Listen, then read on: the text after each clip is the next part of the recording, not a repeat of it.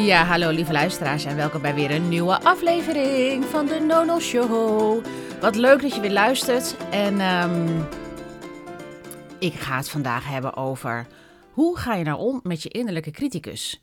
En dat is naar aanleiding van de afgelopen maand dat ik met coaches heb gewerkt tijdens een Nonons maand boost.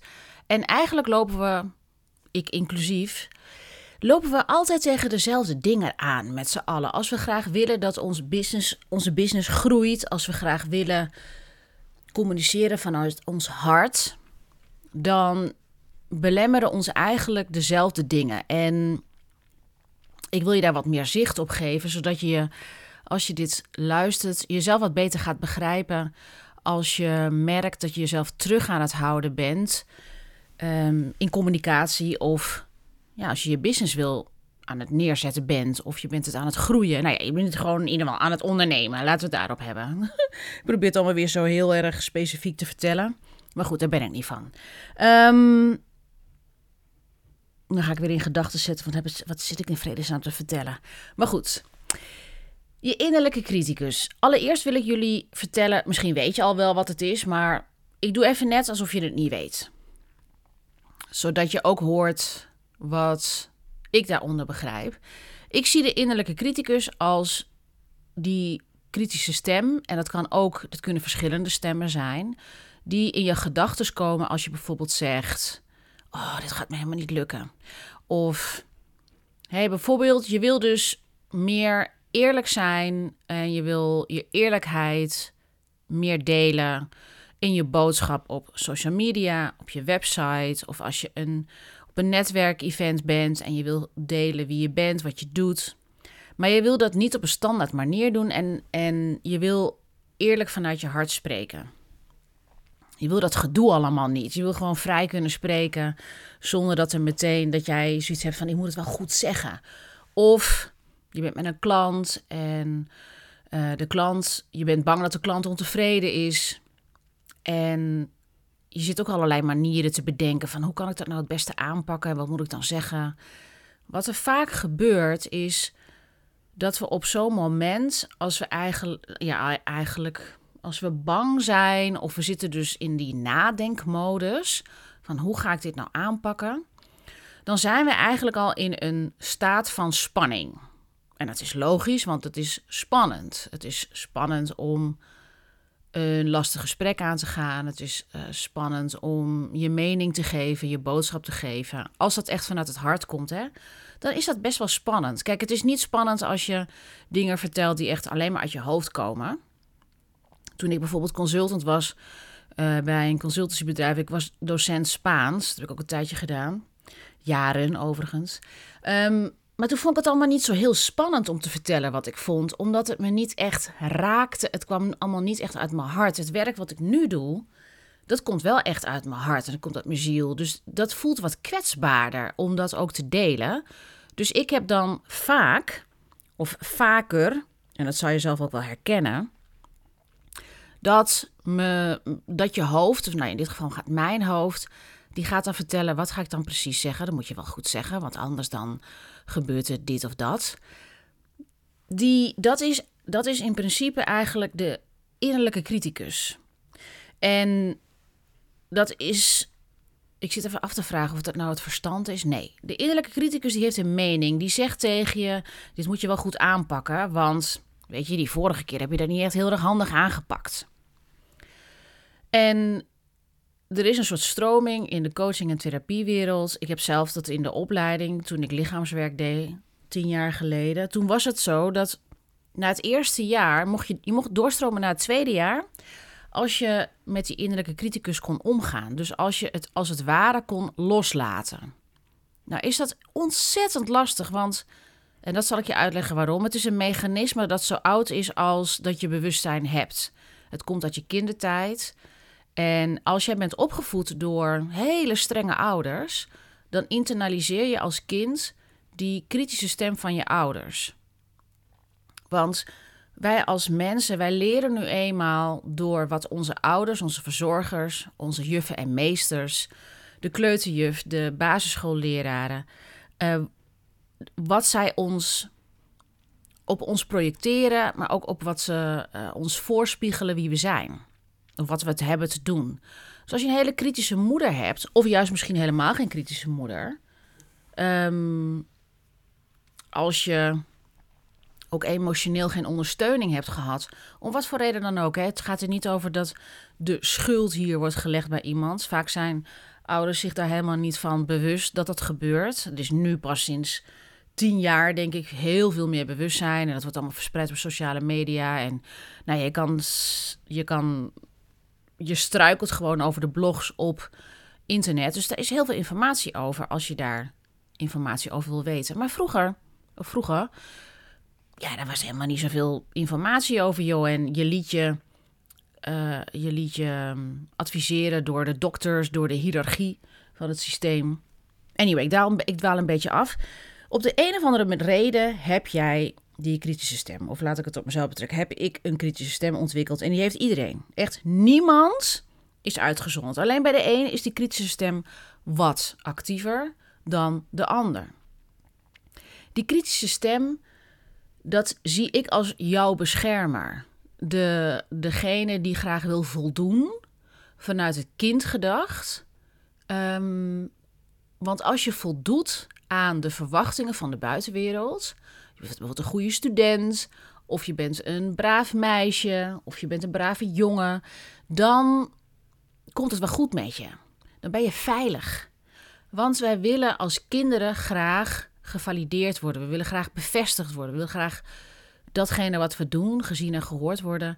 En als we dat voelen, dan voelen we ja, die erkenning, dan bestaan we en dan voelen we liefde. dat is een vorm van liefde ervaren. Erkenning is ongelooflijk belangrijk. En als je dat niet gespiegeld hebt gekregen van leraren of van je ouders, omdat ze dat gewoon niet konden of niet wisten hoe ze dat moeten doen, dan wat er dan gebeurt is, dan ga je een mechanisme in jezelf opbouwen die gaat zorgen om die erkenning te krijgen. Dus die stem, die gaat altijd zorgen dat jij die dingen doet, uh, waardoor je niet gaat falen en waardoor, je, waardoor dingen lukken. Waar je het heel vaak in terugziet is als uh, vrouwen bijvoorbeeld zeggen: ik, vind, ik, ik heb geen mooi lichaam. Dat ik heb geen mooi lichaam of ik doe het niet goed in mijn business. Dat is niet wat die persoon echt zelf vindt. Dat is een mening die ze over zichzelf hebben. En die mening komt van die innerlijke criticus. Want dat is altijd, er zit altijd scherpte aan. En ergens voldoen ze dus niet aan het plaatje. Ze hebben het gevoel dat ze niet voldoen aan het plaatje. Uh, van hoe je er mooi uitziet en je dus liefde krijgt. En nogmaals, dit is vanuit. Kijk, als je hier als een volwassene naar kijkt, dan denk je: oké, je hebt geen mooi lichaam. Ik zeg even, hè, dat mooie lichaam of een niet mooie lichaam. Je hebt een lichaam en je hebt een gezond lichaam. En dat je er niet mooi uitziet van jezelf op basis waarvan. Weet je? Maar emotioneel wil je misschien een rechtere neus of wil je misschien vijf kilo dunner eruit zien, omdat je dan het gevoel hebt dat je dan voldoet aan de normen. Dat je dan voldoet aan. Dan houdt papa of mama wel van me. Of dan ben ik wel populair. Of dan ben ik wel ehm, acceptabel. Dus het gaat allemaal over het voldoen aan een plaatje. Als je daar niet van bewust bent, dan kunnen die gedachten dus heel erg um, je neerhalen als je daarin gaat, als je daarin gelooft. En heel lang heb ik zelf ook geleerd, heel lang was het zo, ja, die innerlijke criticus, die moet je eigenlijk loslaten. Maar ik geloof steeds meer, en dat pas ik zelf ook toe bij mezelf en ook bij anderen, dat het gaat over dat die innerlijke criticus, die is dus gemaakt vanuit een kind en dus niet de volwassene, dat je die dus eigenlijk erkent. Dat je die, dat je die gedachten, die niet jij zijn, maar een, een, een, een subdeel van jou, dus een deel van jou, die hebben jou veilig gehouden, die hebben jou geliefd gehouden. Dat ze misschien niet helemaal hun werk hebben gedaan met het resultaat. Want eigenlijk hebben ze alleen maar geholpen om verder van je af te staan. Maar dat was dus de, hè, dat is de stem van de overleving. Van als ik op deze manier dat doe, als ik zorg dat ik maar dunner blijf, of als ik zorg dat ik hard werk in mijn business, of als ik zorg dat ik de juiste dingen zeg tegen de mensen, zodat het geen ongemakkelijk gesprek is, als ik zorg dat ik maar opvolg wat andere mensen zeggen, wat mijn klanten zeggen, wat mijn coach zegt, ja, dan komt het wel goed met mij. Dan zit je, als je daarin zit, zit je in het bewustzijn van het kind. En niet in het bewustzijn van de volwassene, de autonome volwassene. En laten we allereerst vooropstellen, dat is niks verkeerds aan. Er is niks verkeerds aan. Omdat we misschien een lichaam hebben wat eruit ziet als een 30-jarige, 40-jarige, 50-jarige. Maar psychologisch, in de psyche, in het systeem van je, is dat nog helemaal niet volgroeid. Niet alle delen volgroeien met ons. En daarom vind ik het altijd zo belangrijk dat als we het hebben over de innerlijke criticus of de saboteur of de controleur, zoals heel veel mensen het noemen, dat we niet zeggen die zit me in de weg, maar dat we zeggen die mag meedoen. Die mag meedoen. Alleen op het moment dat je het dus er ziet en het herkent, dan kan je er al een afstand van nemen. Als in, hé, hey, dat zijn gedachten die komen van dat deel van mij. Die heel uh, graag, dat deel van mij, die wil heel graag voldoen. Die wil heel graag er mooi uitzien. Die wil graag die erkenning of de beloning. Die wil graag die complimenten. En als je daar dus al een afstand van in hebt, van hé, hey, dat is een behoefte. Ik heb daar behoefte aan. Ik heb behoefte aan die erkenning. Dat is stap 1. De stap 1 om. Stellen, je, je, bent, je, dus, je bent dus aan het. Uh, nou, je weet ik veel, je bent ergens mee bezig.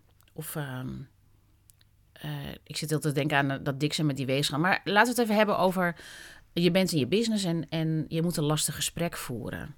En je gaat met dat lastige gesprek, ga je dus eigenlijk al ervaren um, allerlei gedachten met, ja, ze zal waarschijnlijk wel niet gaan luisteren. En oh ja, nee, ze gaat uh, misschien dit doen of hij. Kan, waar ik zij zeg, dan kan je ook hij zeggen. Hè? Ze gaat waarschijnlijk niet luisteren. Ze gaat uh, waarschijnlijk zeggen dat um, ik geen legitieme argumenten heb. Of we gaan er niet uitkomen. Of het wordt een ruzie. Of het wordt een conflict. Omdat hoe je het eerder hebt gedaan, dat is, zo is gebeurd. Dus allerlei gedachten. Je gaat heel erg in je hoofd zitten met al die gedachten. Als je nou bij wijze van spreken een stap achteruit zou zetten en je kijkt naar die gedachten. Vaak is het niet eens los van je gevoel, hè? want die gedachten die zorgen dat ook bepaalde fysieke sensaties en gevoelens in je lichaam komen. Misschien krijg je spanning in je schouders, of krijg je een misselijk gevoel, of gaat misschien juist je hoofd op blanco? Of word je warm of koud? Of krijg je hartkloppingen? Je raakt een beetje in lichte paniek, zoals heel veel van mijn klanten zeggen. Wat nou heel belangrijk is, is om dat te zien en dan een stap achteruit te nemen. Wat ik meestal doe, is ik ga meestal een meditatie doen. Mijn coaches krijgen altijd een meditatie om te landen in een neutrale staat. Dus niet dat je dus daaruit gaat stappen zodat je ernaar kan kijken. Dan word je dus de observeerder. Zonder dat je zegt, dit moet weg. Maar dat je gaat observeren. Wat zijn de gedachten? Wat zijn de gevoelens? Wat zijn de fysieke sensaties? En wat ik meestal doe, is dan ga ik vragen in zo'n meditatie van... Hè, ga rechtop zitten in de stoel. Zet je voeten op de vloer. Ga met je adem... Met, met je aandacht, sorry, met je aandacht naar je ademhaling.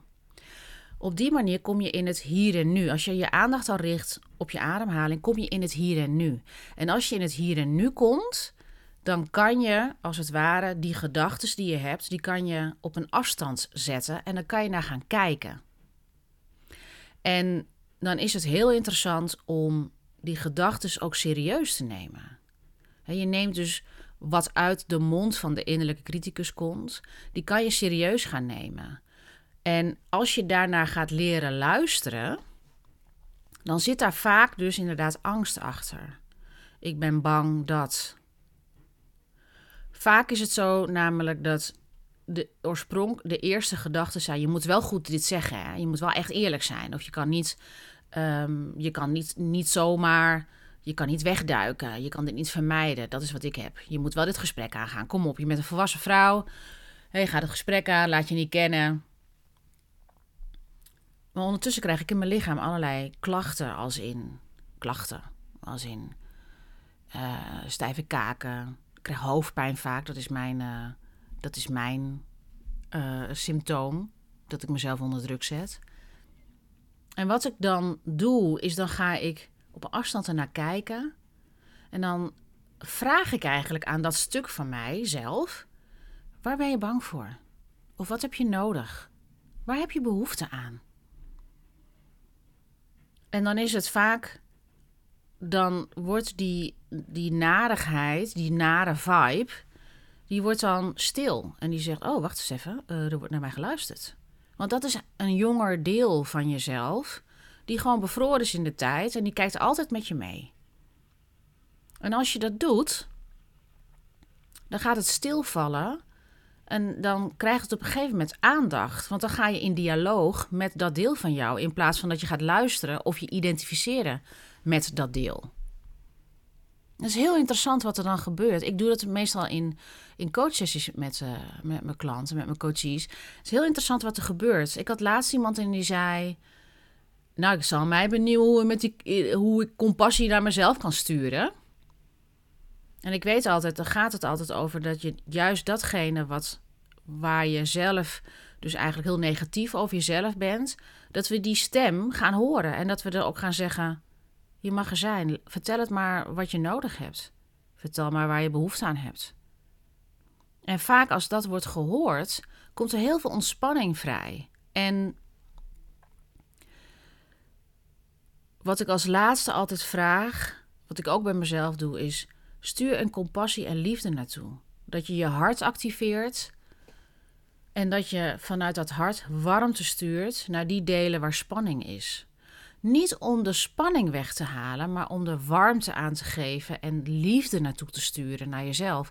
In plaats van dat je zegt, nou, ik moet hier gewoon vanaf, ik moet het gewoon loslaten en het bestaat niet meer. Ik kan je zeggen, die weg, dat is echt water naar de zee dragen. Want de innerlijke criticus, die hebben we, daar ga je mee dood. Het is dus, ik zie het juist meer als hoe kunnen we met de innerlijke criticus, hoe kunnen we, ons, hoe kunnen we daarmee bevriend raken? In plaats van dat we zeggen, ik moet van je af. Omdat die innerlijke criticus, die heeft een identiteit, die wil meedoen. Die wil dat je naar, naar hem of haar luistert. Wat ik meestal vraag, dat is misschien ook iets wat je kan doen, is dat je als je dus van die gedachten hebt die heel negatief zijn, naar jezelf gericht, Schrijf eens een brief dat je gaat journalen over. Wacht eens even. Hoe zie jij eruit? Wat wil je tegen me zeggen? Wat voor soort personage is het? Als je het visualiseert, dan gaat het dan meestal dat je die relatie met jouw innerlijke criticus, dat die zachter wordt. Want er zit een kwaliteit in de innerlijke criticus. Er is niks mis met een innerlijke criticus, alleen als je de hele tijd op jezelf gericht, negatief gericht bent. Want dan, raak je, hè, dan kan je ook in een traumarespons raken. Omdat je eigenlijk tegen jezelf allerlei nare dingen zegt. En daarvan kan je dus ook heel erg gaan bevriezen of klachten krijgen. Van spanning en van druk. Dus als je daar compassie naar stuurt en als je er bevriend mee raakt en als je daar, ik vraag meestal mijn coaches om op te schrijven uh, wat die innerlijke criticus zegt, maar ook wat de behoefte is, dan ga je als het ware jezelf erkennen. Dat deel wat zich niet erkend voelt, die heeft die innerlijke criticus opgebouwd. Maar als je die innerlijke criticus gaat erkennen, eerst herkennen, hè? dus je moet allereerst herkennen welke gedachten dat zijn en dan als je het gaat erkennen, dat je zegt, je mag er zijn. Wat voor advies wil je me geven? Of hè, wat is de intentie achter deze adviezen die je me geeft? Ga vijf kilo afvallen. Als dat komt vanuit, ik ben niet goed genoeg. Hè? De innerlijke criticus heeft als basis, ik ben niet goed genoeg. Of die zegt, jij bent niet goed genoeg. Dus er is altijd een innerlijke dialoog tussen de innerlijke criticus en de persoon hè, die jij dan bent. Als je daarin, als je daarin, als je dat gaat herkennen en dan erkennen van hé, hey, jij voelt je niet goed genoeg. Op welk moment voel je je niet goed genoeg? Als je daar zonder jij moet weg intentie, maar oprecht naar kan luisteren, ga je dus leren luisteren naar jezelf. Naar die delen die zich niet geaccepteerd hebben gevoeld, naar die delen die zich niet waardevol hebben gevoeld, en naar die delen die liefde nodig hebben. Want ik geloof dat alle delen in onszelf die we niet erkennen, die we hebben weggestopt voor onszelf, omdat we het te lelijk vonden. Als we die leren erkennen en daar liefde naar sturen, dan krijg je zo'n prettige relatie met jezelf. En die vibe met die relatie die je dan hebt met jezelf, die straalt uit op anderen. En als jij je boodschap dan vanuit je hart wil geven, is dat een hele rustige en aantrekkelijke boodschap. Ik, het, het, het is interessant, hè, maar waarom, waarom moet je aan je innerlijke criticus werken als je eerlijk je boodschap wil delen met de wereld of vanuit je hart wil communiceren zonder triggers, is dat juist dit het werk daaronder. Dit is het wat ik noem het innerlijke werk, het fundamentele werk in jezelf. Want als jij eerlijk gaat communiceren, als jij denkt dat eerlijk communiceren is dat je alles zegt wat je denkt en vindt, en daar zit een.